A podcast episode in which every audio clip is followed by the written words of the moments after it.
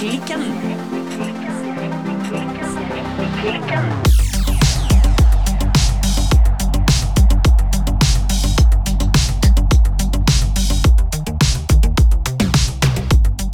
Hei, Birte. Hallo, Silje. Birte, Ja, hva strikker du i dag? jeg strikker på mitt scarf number one av My favorite things knitwear. Det vil faktisk si, jeg begynte å strikke på dette skjerfet, eller skautet, i forrige uke. Jeg liker ordet skaut. Ja. Scarf er så, eh, jeg vet ikke, internasjonalt, men skaut, det kan jeg like. Ja, enig. Og så strikka jeg feil så det sung etter, Aha. måtte rekke opp, og så er det faktisk blitt litt liggende. Å ja. Ja.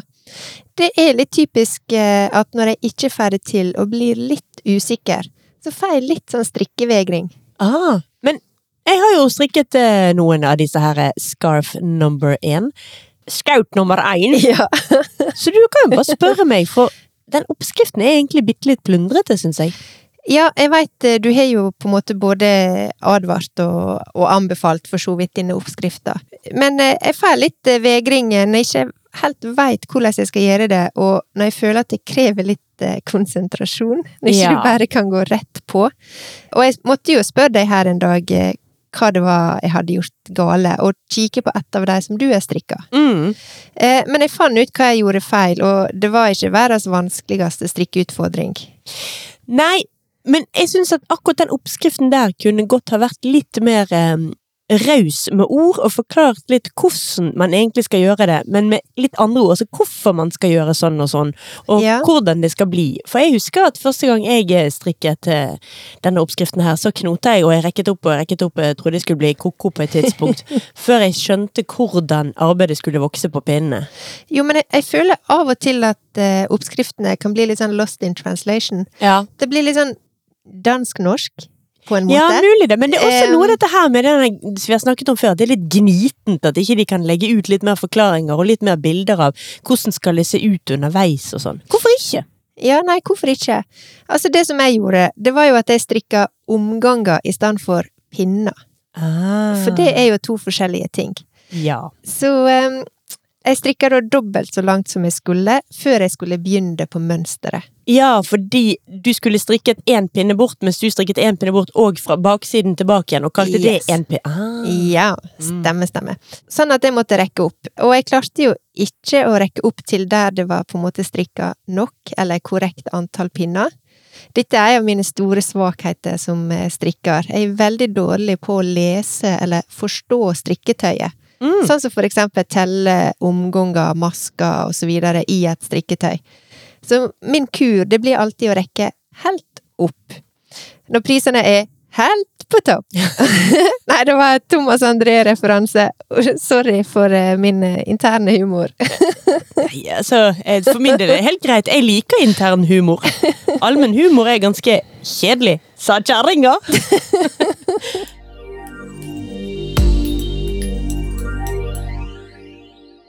Men Silje, hva strikker du på, da? Ja, nå får jeg litt sånn Jeg skal jo egentlig strikke på denne her eh, The Cozy Hoodie fra cozynits.de, da. Ja. Men det har jeg ikke begynt på enda. Rett og slett, for jeg har ikke hatt tid til å gå i en garnbutikk. Nei, det kan jo være utfordrende. Ja, og nå har jeg rett og slett begynt i en ny jobb. Veldig kjekt. Da kan jeg jo legge inn reklame for tekstallmenningen. Gå inn på tekstallmenningen.no og sjekke ut. Ja. Altså, det er veldig kjekt med ny jobb, men det går litt utover strikketiden min, altså. Dette her er voksenlivet. så istedenfor å begynne på eh, denne her eh, cozy hoodie, så har jeg begynt å strikke sokker. Ja. For det kan jeg jo. Og beina blir jo også kalde. Det er jo ikke som om bare overkroppen blir kald. Nei. Og jeg vet ikke om du husker at når vi var på Hillesvåg for eh, ja, 52 år siden, så Ja. kjøpte jeg to hesper med sokkegarn. Med Ja. sånn fjellsokkegarn. Jeg kjøpte én hespe i lys blågrå og en i chartreuse. Yeah. Nå har jeg begynt å strikke i eh, eh, lys blågrå. Det blir kjempefint. Jeg har ikke så Ja. mye å berette. Sokker må til. Sokker er gøy å strikke. Um, hva skal jeg si om de, da? Jeg strikker de med fem eh, sånn settpinner, sånn fem pinner. Strikker Ja. aldri sokker på rundpinne, for det syns jeg er bare komplisert. Ja. Ehm, Du liker at det skal klinge litt i pinnene når du strikker? ja, det er mer det der at jeg har lært meg hvordan jeg skal dele inn hælen ved hjelp av fire pinner, og jeg har lært meg når du kommer opp til vristen, at da strikker jeg ribb oppå vristen og glattstrikk under foten. Ja. Og da er det så deilig oppdelt når du har det på fire pinner. Jo, men det er ikke noe poeng i å få strikkevegring fordi at en skal være litt usikker på hvor en skal gjøre det med å strikke med rundpinne, for eksempel. Nei, altså, Du har jo din metode. Jeg tenker mer at den påsken jeg satt ned for jeg tror det er 20 år siden, med virkelig lære meg å strikke sokker, den sitter så godt at jeg kommer aldri til å gjøre strikkesokker på noen annen måte enn den jeg kan. Og du har fortsatt litt plass i skapet til uh, lester, tjukke lester. Absolutt. altså I mitt tempo hvor mye sokker jeg mister, så vil det alltid være plass til eh, nye sokker der.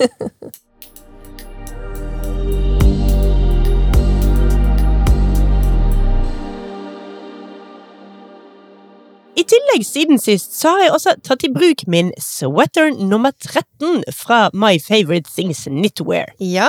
Sist uke så husker kanskje strikkeklikkens ivrige lyttere at da hang han til tørk, Ja. og da var jeg ikke ferdig dampet. Og at jeg hadde altså strikket noen få masker feil midt mellom skulderbladene bak på ryggen. Og da lurte jeg litt på hva jeg skulle gjøre med det. sant? Det var to masker som skulle vært vrang, som var blitt rett, eller noe sånt. Ja. Om jeg skulle ignorere det, eller om dette kom til å bli som en eh, jeg vet ikke, kvise midt i trynet. Styggen på ryggen. Bokstavelig talt styggen på ryggen. Nå er svaret klart. Jeg gjør ingenting med det. Nei. Jeg ignorerer denne feilen. Jeg går med hodet høyt hevet. Jeg går med to rette masker som skulle vært vrang, på ryggen, og jeg bærer min styggen på ryggen med stolthet. Du er helt crazy, Silje. To feile masker! Nå står det ikke været til påske. Nei, det er sinnssykt. Men eh, jeg er jo imponert over at du har fått brukt denne her eh, sweater nummer eh, 13. For min eh, sweater nummer 14, den eh, ligger i skapet mitt og nyer seg, rett og slett. Jeg har ikke fått brukt den ennå. Nei, jeg må innrømme her at her er det litt stahet som bikker inn. Jeg har gått med knelang bukse og sandaler på underkroppen, og en litt for varm genser på overkroppen, fordi jeg ville ta den i bruk. Så nå har jeg ignorert temperaturen ute og bare brukt strikkeklærne mine. Ja, for det er nesten litt synd å gå og ønske seg litt sånn kaldere vær, sånn at en får begynne å bruke disse strikkegenserne. Ja, nei, jeg tenkte her må vi bare hoppe i det, for jeg er redd for at idet det kommer kaldere vær, så kommer det samtidig våtere vær her i Bergen. Ja. Så da må vi ta på oss regntøy. Så jeg tenkte nei, sandaler og strikkegenser funker som en kule.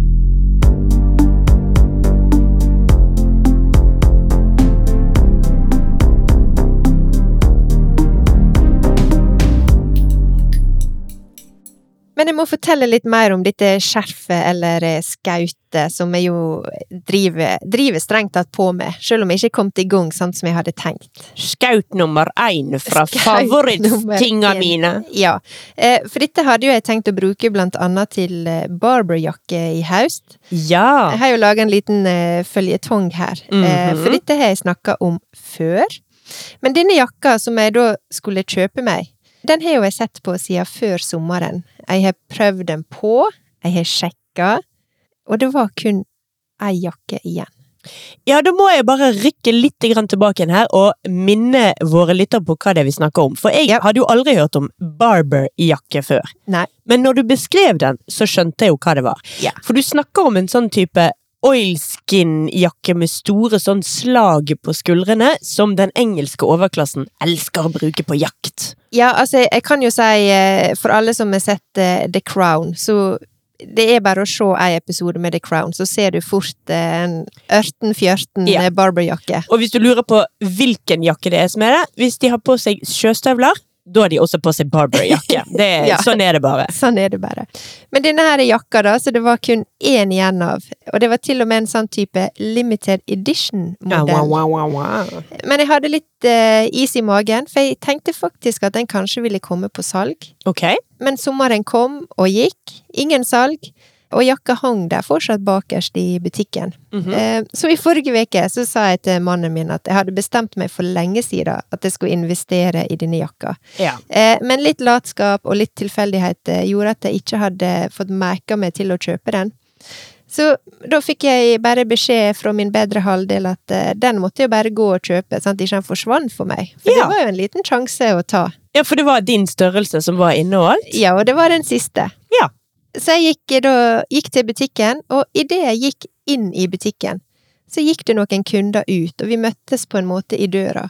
Og så hørte jeg ekspeditøren si til disse kundene som gikk, ja, men da bare henger den av til mandag, jeg, da. Å nei, jeg Og- begynner å sense hvor dette skal. Det var den jakka jeg skulle kjøpe. Jakken din? Er det mulig? Det var liksom sånn 23 sekunder på at den glapp for meg. Altså, hadde jeg sett dette i en scene i en film, så hadde jeg tenkt at nei, men sånn der skjer ikke på ekte. Det var bare for vilt. Men det skjedde. Men hvis du nå har vært inne og prøvd den i butikk og vet størrelsen din og alt, så må det være mulig å få tak i dette her plagget på selveste internett. Nei, altså, hele helga og mandagen så var jeg heimsøkt av denne her jakka. Jeg googla som et uhyre på internett all over. Den har jeg ikke å få tak i. Men prøvde du bing.com? Hva er det for noe? Det er ikke det, det som er det andre, det som ikke er Google, men som er den der bitte lille Alternativet til Google som ingen har hørt om. Nei, det kom ikke på, Nei, det, dessverre. det, Verken du eller noen andre. Men jeg tror min algoritme på Barberjack på Google skal funke ganske bra, altså. Eh, men i hvert fall, for å gjøre ei lang historie litt lengre. Vi var meant to be, Du og jakken? denne jakka og meg. Så jeg fikk faktisk kjøpe den. Fordi at de som hadde lagt den av til mandag, kom ikke og hentet den. De kom ikke og henta den, så den ble min. Så nå kan jeg planlegge resten av uh, høstgarderoba mi. Jeg kan bare si The Crown-looken er i sikte. Og dette gjør meg så glad, for jeg vet jo at vi skal jo på flere fester fremover. Ja, Men altså, da har jo jeg planlagt å ha på meg liksom, jeg vet ikke, skjørt og bluse, kanskje en kjole, et eller annet. Kan ikke du bare komme i Barberry-jakka, da? Barberry-jakka og kanskje eventuelt sokker, men det er det? bare legger og høye hæler. Åh! Dette blir nydelig.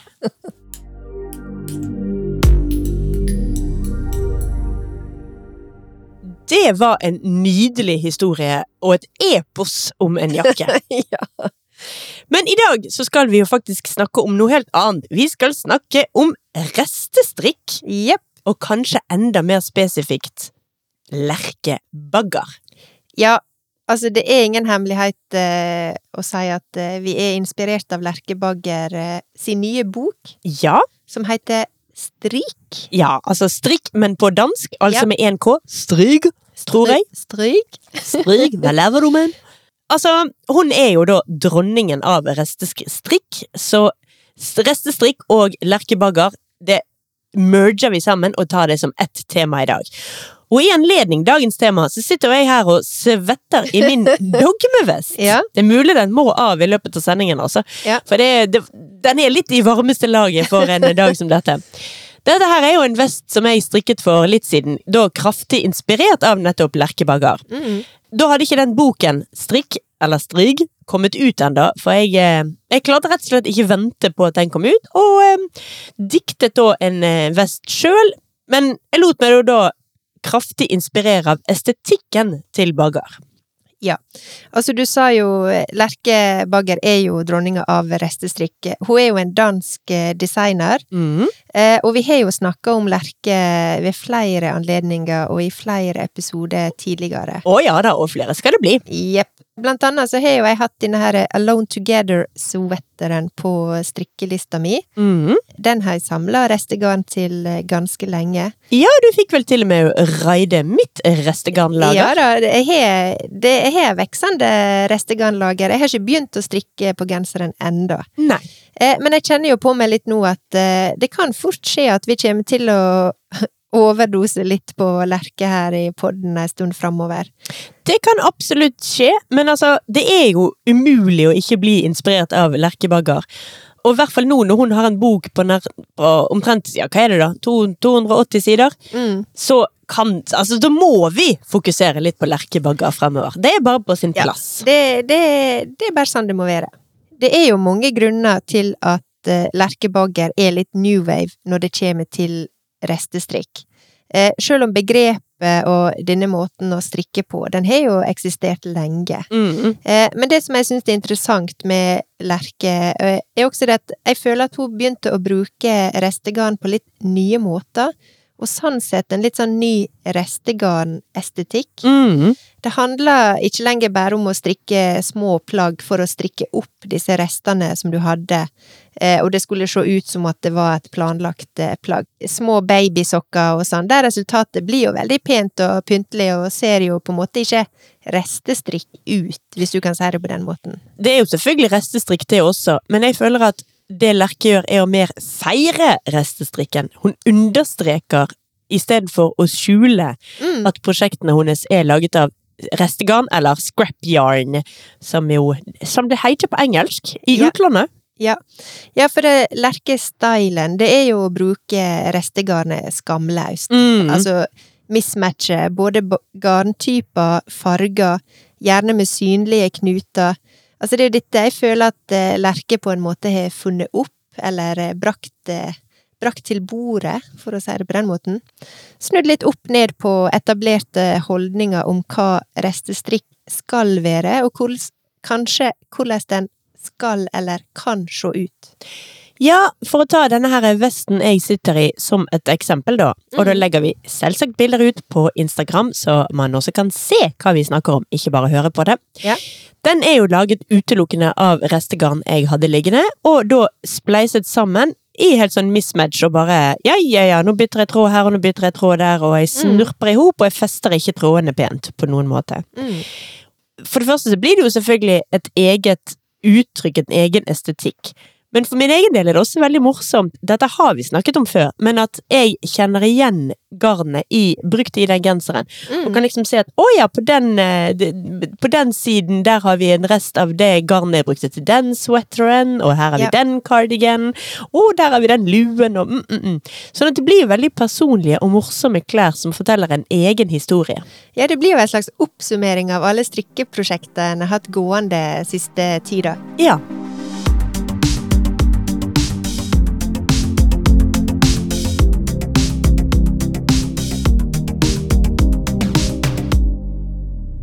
Men Lerke Bagger, hun er jo ikke så gammel. Nei. Eh, og restestrikk eh, er jo strengt tatt noe som har eksistert ganske lenge. Ja, altså, man har jo alltid hatt, å si, garn til overs. Ja. Og enda mer før enn nå var man vel flinkere til å bruke opp eh, Til å spise opp maten sin, for eksempel. Ja. Ifølge boken Norsk strikkehistorie av Ingunn Grimstad Klepp og Tone Skårdal Tobiasson, så kom det regler under andre verdenskrig om at minst 50% av eh, ullen som man kunne kjøpe, det skulle ha lavere kvalitet, sånn som shoddy, altså resirkulert ull. Mm. Og ullvarefabrikken som laget garn, de måtte sende inn oppgaver hver måned om hvor mye råvarer de fikk inn, og hvor mye de produserte. Garnet man fikk kjøpt da, besto altså da av 50% resirkulert ull, eller shoddy. Og uttrykket 'ny ren ull', som fortsatt står på alle sånne banderoler på forskjellige garn, Ja. det viser til at nei, de er ikke lenger resirkulert. Så det var noe man gjorde da. Mm. Mens restegarnstrikk har jo en lang historie, men gjerne da brukt på andre måter, med en annen stil enn det Bagga gjør. Ja, altså, jeg tenker jo også sånn historisk sett, så har jo det gjerne handla om knapphet på ressurser. Mm. Mens eh, altså i dag eh, Vi kan jo kalle det, om vi kaller det bærekraft, for eksempel. Mm. Men også sånn som Lerke har gjort, at hun liksom lager det til en egen slags look eller stil. Tidligere har jeg brukt mye restegarn i lappetepper og sånt, Mm. men det er likevel en slags minimumsgrense for hvor mye garn Altså, jeg må ha en del garn før jeg kan kalle det et restegarn. Ja. Mens Lerke bruker jo hver eneste bitte liten garnstubb hun har liggende. Det Mm. går inn i plaggene, det. Sånn at der du ellers kanskje kunne heklet deg et såkalt bestemorsteppe eller noe sånt, da må du likevel ha kanskje, jeg vet ikke, et halvt nøste eller noe sånt for Ja. å kunne bruke en farge. Ja. Lerke holder med tre centimeter, det, altså. Ja. Så går det inn i et prosjekt. Det gjør det.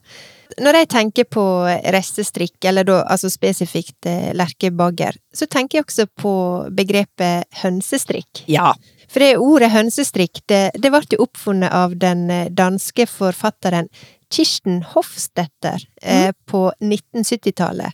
Og i utgangspunktet så handler det om å fri seg fra mønster, og det å måtte kjøpe sånne pakker strikka med mønster og garn. Det var liksom det som var mest vanlig da. Ja, den gang da så hang jo strikkemønstrene sammen med garnmengden. Ja. Sånn at du kjøpte det i en bulk i garnbutikken. Ja. Eh, og det førte jo til at eh, det var lite rom for kreativitet. Ja. Det var mange regler. Eh, og ikke minst så var liksom god smak Det var veldig strengt eh, definert. Mm. Hva, hva var god smak? Og hønsestrikk var jo mer enn noe annet enn motreaksjon på dåtidas eh, industriframstilte syntetiske plagg. Mm. Hønsestrikken var ofte fargerik og i naturmateriale. Eh, Og et mål for hønsestrikken var å frigjøre seg fra oppskriftene og dikte og fantasere i strikketøyet. Ja. Så her har vi altså et eh, eksempel på en klassisk eh, motreaksjon, som eh, ofte er jo sånn trender oppstår. Dette var jo vi inne på i vår eh, episode om høstens eh, strikkemote. Ja, det var Ja. vi. Og noe av ideologien til hønsestrikk, det var jo også å bruke restegarn. Ikke bare, men gjerne. Og det var litt opprør å tage hva man haver, og la det stå til. Fordi at når du har da kjøpt disse strikkepakkene med en oppskrift og en fastsatt mengde garn, så vil du veldig ofte sitte igjen med litt garn. Og har du gjort Ja. det der en del ganger, så begynner du å opparbeide deg et restegarnlager, og da, på den tiden, fantes det ingen kultur for å bruke opp dette her til noe fornuftig. Da ble det, som vi sa, akkurat de der aller minste prosjektene. Ja. Babysokker og, jeg vet ikke, pannebånd, liksom. Ja. Og det er begrenset hvor gøy det er i lengden. Det er det. Eh, og som du hører, så ja, jeg vil si det er ganske mange paralleller mellom eh, hønsestrikk og, og lerkebagger. I hvert fall tenker jeg på det. Både ikke bare sånn rent eh, fysisk i forhold til hvordan det ser ut, men også, også mentalt. Altså liksom mindsettet eller holdninga til strikketøyet. Mm. Ja, det er en frihet og en kreativ glede der som, eh, ja, som klart har en eller annen sammenheng.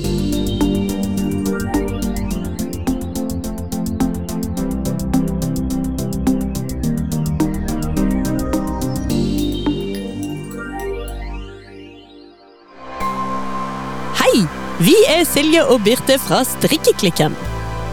Vi lanserer nye episoder hver eneste onsdag. Du kan høre oss via Spotify, Apple Podcasts eller hvor du nå enn foretrekker å finne podkastene dine. Følg oss gjerne på Instagram og Facebook at Strikkeklikken. Eller du kan gå inn på nettsiden vår www.strikkeklikken.no. Vi høres!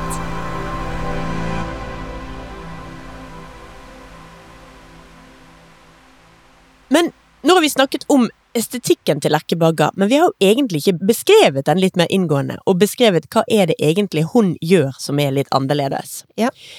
Altså, Lerke er stor på Instagram, og nå har han altså gitt ut en bok. Hele estetikken, helheten hennes, vil jeg beskrive som veldig fargeglad, litt røff i kantene, nesten litt punkaktig. I denne strikkeboken så har hun masse, ma veldig masse faktisk, bilder av seg sjøl. Det er ikke brukt profesjonelle modeller. Det er hun sjøl som bruker klærne sine, og gjerne med en ølflaske i hånden, på fest. Der er bilder av hun i bar overkropp.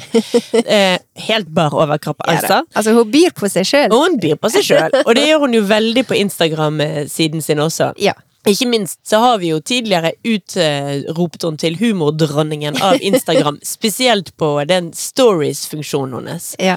hvor hun er bare helt hysterisk vittig. Og hun har en estetikk, sant? altså hun fester ikke tråder. Altså når hun skal spleise en tråd, så bare knyter hun på den neste tråden og strikker videre. Ja. Så det er litt sånn klumpete, kanskje litt punkaktig, vanskelig å liksom definere hva man skal kalle det for, men det er i hvert fall ikke pent, strengt og pyntelig.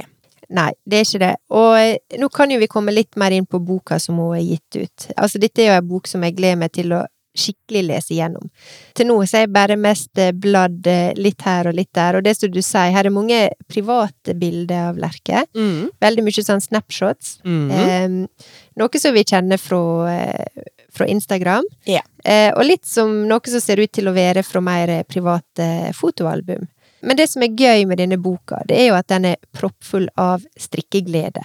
Det er akkurat det den er. Ja, den er morsom, den er upretensiøs, men samtidig veldig stødig, kunnskapsrik, og ikke minst inspirerende. Mm. Og her er mottoet at det er bare å sette i gang. learning by doing, eller som Lerke sjøl skriver, have no fear.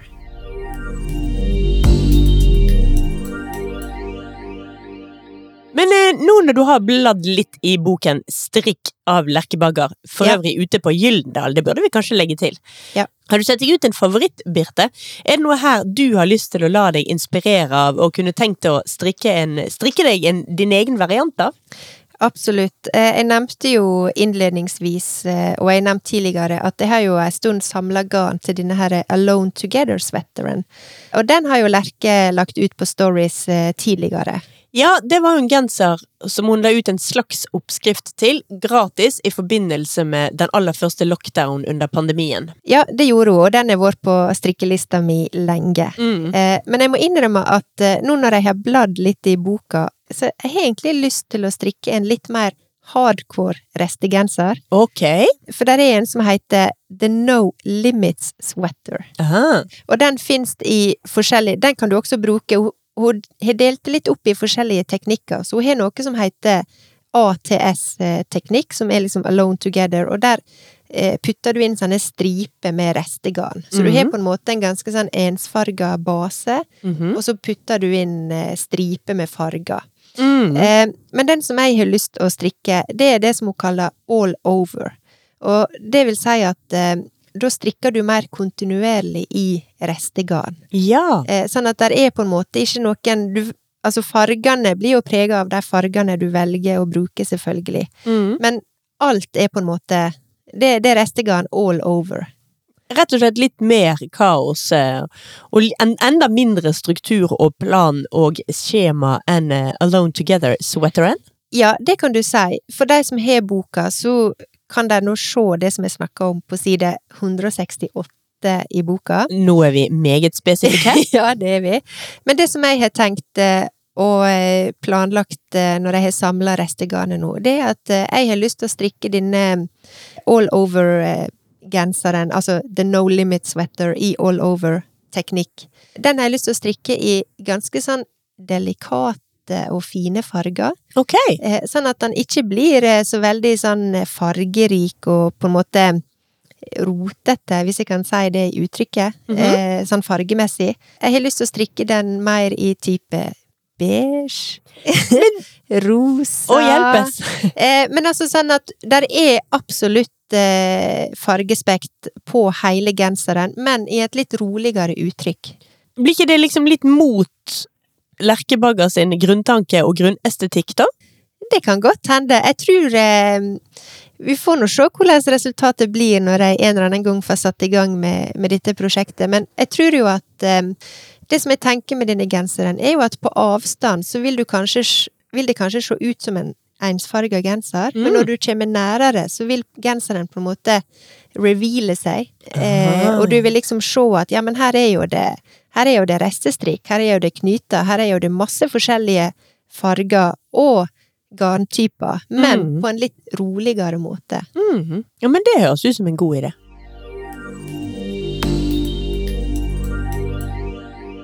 Og du da, Silje, har du hatt tid til å finne deg en eh, favoritt i boka?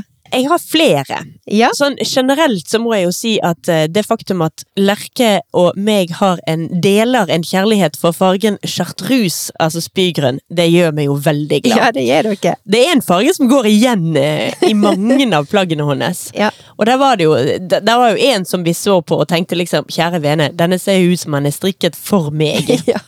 Men en ting som jeg også har veldig lyst til å prøve ut, som jeg aldri har gjort, det er også strikke med perler. Ja, For det gjør Lerke av og til. Altså Da legger hun inn ganske tett i tett, altså. Ja. Med perler i, uh, disse her sweaterene eller vestene eller hva slags overkroppsplagg det noen skal være.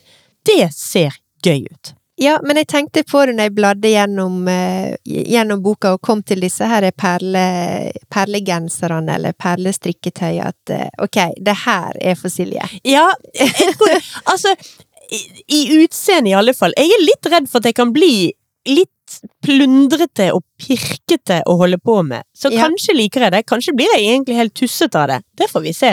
Men eh, i hvert fall på bildene, og liksom utseendet av det, er jeg veldig inspirert av. Ja.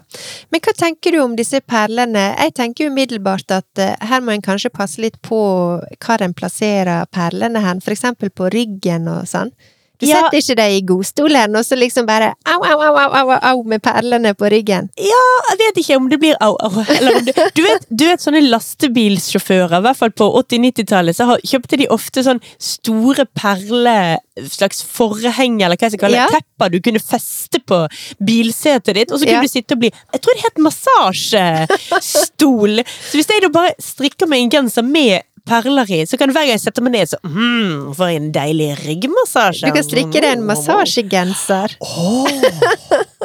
Ja, jeg vet ikke om dette vil fungere som det, altså. Jeg har aldri hatt en uh, genser med perler på. Jeg aner ikke hvor behagelig eller ubehagelig det er. Nei, altså, nå er jo strengt tatt perler på klesplagg. Det er jo ikke noen tar på seg for behageligheten sin skyld, tenker jeg. Det er jo et estetisk eh, uttrykk, ofte veldig flott. Men eh, altså, om det er skjørt eller kjoler eller gensere med perler, så ja, det har vel kanskje litt begrensa bruksområde, nettopp fordi at eh, det kan liksom stikke litt her og der. Ja, så det blir et festplagg hvor man eh, lider litt for skjønnheten. Der du skal komme i barberjakka di, så skal jeg komme i perlegensera mi, og så er vi klar for fest. Ja, altså jeg ser det litt for meg, men nå, dette vet jo jeg ikke, nå tenker jeg bare litt høyt der, og jeg tenker også litt i, i liksom armhåla og under armene og sånn. Hvordan, oh, ja, au! hvordan er det med perler der? Og kanskje, nå har jeg ikke studert oppskrifta, altså, kanskje er dette tatt hensyn til? Eller kanskje tenker jeg no pain, no, eh, no gain. Ja, nei, dette må jeg helt klart tenke litt mer på. Jeg har jo altså denne cozy hoodie eh, Cozy hoodie som På skal som skal gjennom først. Ja. sånn, Så hvis jeg da strikker meg en perlegenser, tar på meg den, har full av sånn blåmerker over hele kroppen, så får jeg ta på meg en mjuk hettegenser etterpå. Men eh, nå var ikke poenget mitt å prøve å skremme deg vekk fra en sånn perlegenser. Altså, jeg håper inderlig at du skal strikke en sånn, for jeg er veldig spent på å se. Men hvor i alle dager kjøper man sånne perler, da? Nei, si det, du. Er ikke det type sånn eh, hobbybutikker, Panduro? Er vi på Panduro her? Men du kan jo kanskje finne noe på gjenbruk eller Fretex også? For du skal jo bare ha masse forskjellige typer perler, skal ikke en det? Jo, det er jo det. jeg- Altså, poenget her er jo i hvert fall for meg ville vært å ha mange forskjellige perler, ja. Mm. Her har jeg lyst til å spørre om hjelp av lytterne våre. Hvis det er noen som vet hvor i alle dager man får tak i et spann med fine, men forskjellige perler til en billig penge Og ikke jeg- for spisse. Ikke for spisse, ikke for store, de må ikke gi meg blåmerker. Så eh, send gjerne inn tips på, på Instagram, altså, for dette her er en verden jeg kan lite eller ingenting om.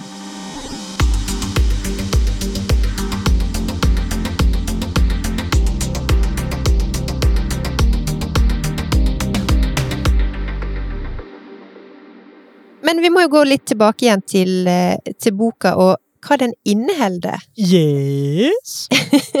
Altså, som forventa, så er jo her eh, grundig og lavterskel gjennomgang av restestrikk. Ja. Det er jo det som er Lerke sin signatur. Ja. Og her får du veldig kvalifiserte og gode tips om fargevalg. Mm. Hvordan du kan på en måte komponere fargene i et strikketøy. Mm. Hvordan du kan samle restegarn. Mm. Hva type garn som passer sammen. Hvordan du skal knyte sammen garnrestene. Og så selvfølgelig strikkeoppskrifter på det meste, egentlig. Altså her du kan lage en restegenser, restepute, restelappeteppe, restescrunchies. Altså, her kan du strikke det meste. Ja. Det skal jo sies tidlig at boken er på dansk, den er ikke oversatt til norsk. Så her Nei. må man ha litt eh, kunnskap om andre språk enn eh, indre uh, ulsteinviksk for å klare seg. Ja, så du må kunne litt bokmål, rett og slett. Rett og slett lite grann. og så har jo da Lerkebagger barn. Sannelig ikke sikker på om det er to eller tre. Jeg tror det er to. Ja. Så der er ganske mange bilder av barna hennes også i boken, med oppskrifter i restegarnstrikk til de også. Superfine. Helt nydelige. Vi nevnte at eh, her er veldig selvfølgelig mye restestrikk, men kanskje mer overraskende så er jo dette også ei slags sånn lær å strikke-bok. For eh, her er det for alle nivå. Ja. Eh, det begynner på hvordan du strikker en rettmaske, hvordan du strikker en vrangmaske, Mm. hvordan du legger opp maska, montering, strikkefasthet. Altså, det er rett og slett ei gullgruve av ei bok med tips og strikkehacks. Eh, og ikke minst, det er noe for alle nivå. Eh, og det syns jeg er veldig gøy. Det er det. Den er også, tar også for seg ting som altså, broderi på Mm. strikk, og eh, sånn løkkestrikk, sånn at du da kan strikke, strikke deg en genser som ser litt ut som en slags ja, pelsjakke. Kan vi kalle det det? Her kan du strikke deg din egen pelsjakke i sinnssyke restegarnfarger, og det er jo selvsagt gøy. Ja, og det du nevnte, disse her pelsjakkene, og da sier det sånn i hermetegn, det er jo for mer viderekomne. Så her er både liksom basic, eh, altså helt nybegynner, til også ganske avanserte og kompliserte strikkeprosjekt og strikketeknikker. Mm. Men jeg vil gjerne også gjøre det helt tydelig at i hvert fall for meg så er lerkebagger mer en tilnærming til strikking og en estetisk helhetsopplevelse enn en strikkedesigner du følger oppskriftene slavisk til. Ja. Altså, dette er ikke en bok, eller altså, Lerkebagger er ikke en strikkedesigner du setter deg ned og teller liksom Ja, men hvordan får jeg denne akkurat i medium pluss eller medium minus? Hvor mange Nei. masker skal det her? Hvor mange masker skal det der? Ja, men hvilken garntype da? Ja. Poenget her er vær fri og vær litt eh, ja, vågal. Ikke følg dette er ikke den type prosjekter eller den type strikkeoppskrifter du går inn og legger inn i denne her appen garnalternativ og sånt. For her er jo hele poenget bruk det garnet som ligger nærmest strikkestolen din. Ja. Så for meg er lerkebagger mer en viktig inspirasjonskilde enn en som jeg setter meg ned og følger oppskriftene til. Og derfor vil jeg jo enda mer enn vanlig, kanskje, anbefale faktisk boken. Ja. Fordi at da er det ikke sånn at liksom Ja, men jeg kan jo bare kjøpe den og den oppskriften og forstå hva denne designeren er ute etter. Nei, det er et litt eget univers. Nå skal jeg ikke fullstendig putte om på pidestall og si Lerkebergers univers der hun bor alene. For så, eh, så himla eh, unikt er det nå tross alt ikke. Men hun er, har en helt egen eh, estetikk og en, en vibe som jeg syns kommer veldig godt fram i boken. Ja, det er en helt egen attitude. Går det an å si det på norsk? Attitude. Ja, det syns Ja. jeg går an å si på, på, på, På engelsk. Helt klart, helt klart det går an å si på norsk. Det er jo mange trender på gang samtidig nå. Vi har jo snakket flere ganger om islenderen, som er liksom ser ut til å bli høstens store strikkeprosjekt. Ja. Jeg følger Instagram-feeden vår flommer over av islender. Ja. Og den, eh, der er det jo lurt å følge en oppskrift og legge en plan, og eh, der vil det se litt pussig ut hvis du bommer på to-tre masker og forskyver, eh, forskyver dette lusemønsteret som ofte er på de. Ja. Lerkebagger er noe helt annet. Det er det. Vi må jo ta høgde for at eh, det er jo ikke sikkert at det er alle som liker denne her eh, litt sånn råe, rustikke restegarn-estetikken. Nei, det er altså sjøl min eh, store strikkeheltinne, min guru, nemlig min mormor, Mm. ville nok ikke falt for dette. Nei. Men jeg syns det appellerer veldig til min smak, Mm. og jeg syns uansett det er veldig spennende at dette også finnes. Ja, for det, det er jo det at, eh, som vi har snakka om, eh, det er jo ikke sånn at nå skal du gjøre liksom én ting, eller Jeg er litt sånn ja takk, begge deler. Jeg kan like et eh, nøyaktig pusleprosjekt der du skal følge oppskrifta, men samtidig så kan jeg også like den estetikken og holdninga som Lerkebagger kommer med. Mm. Så hvorfor ikke gjøre begge deler samtidig? Mm. Ja takk, alt sammen. Ja.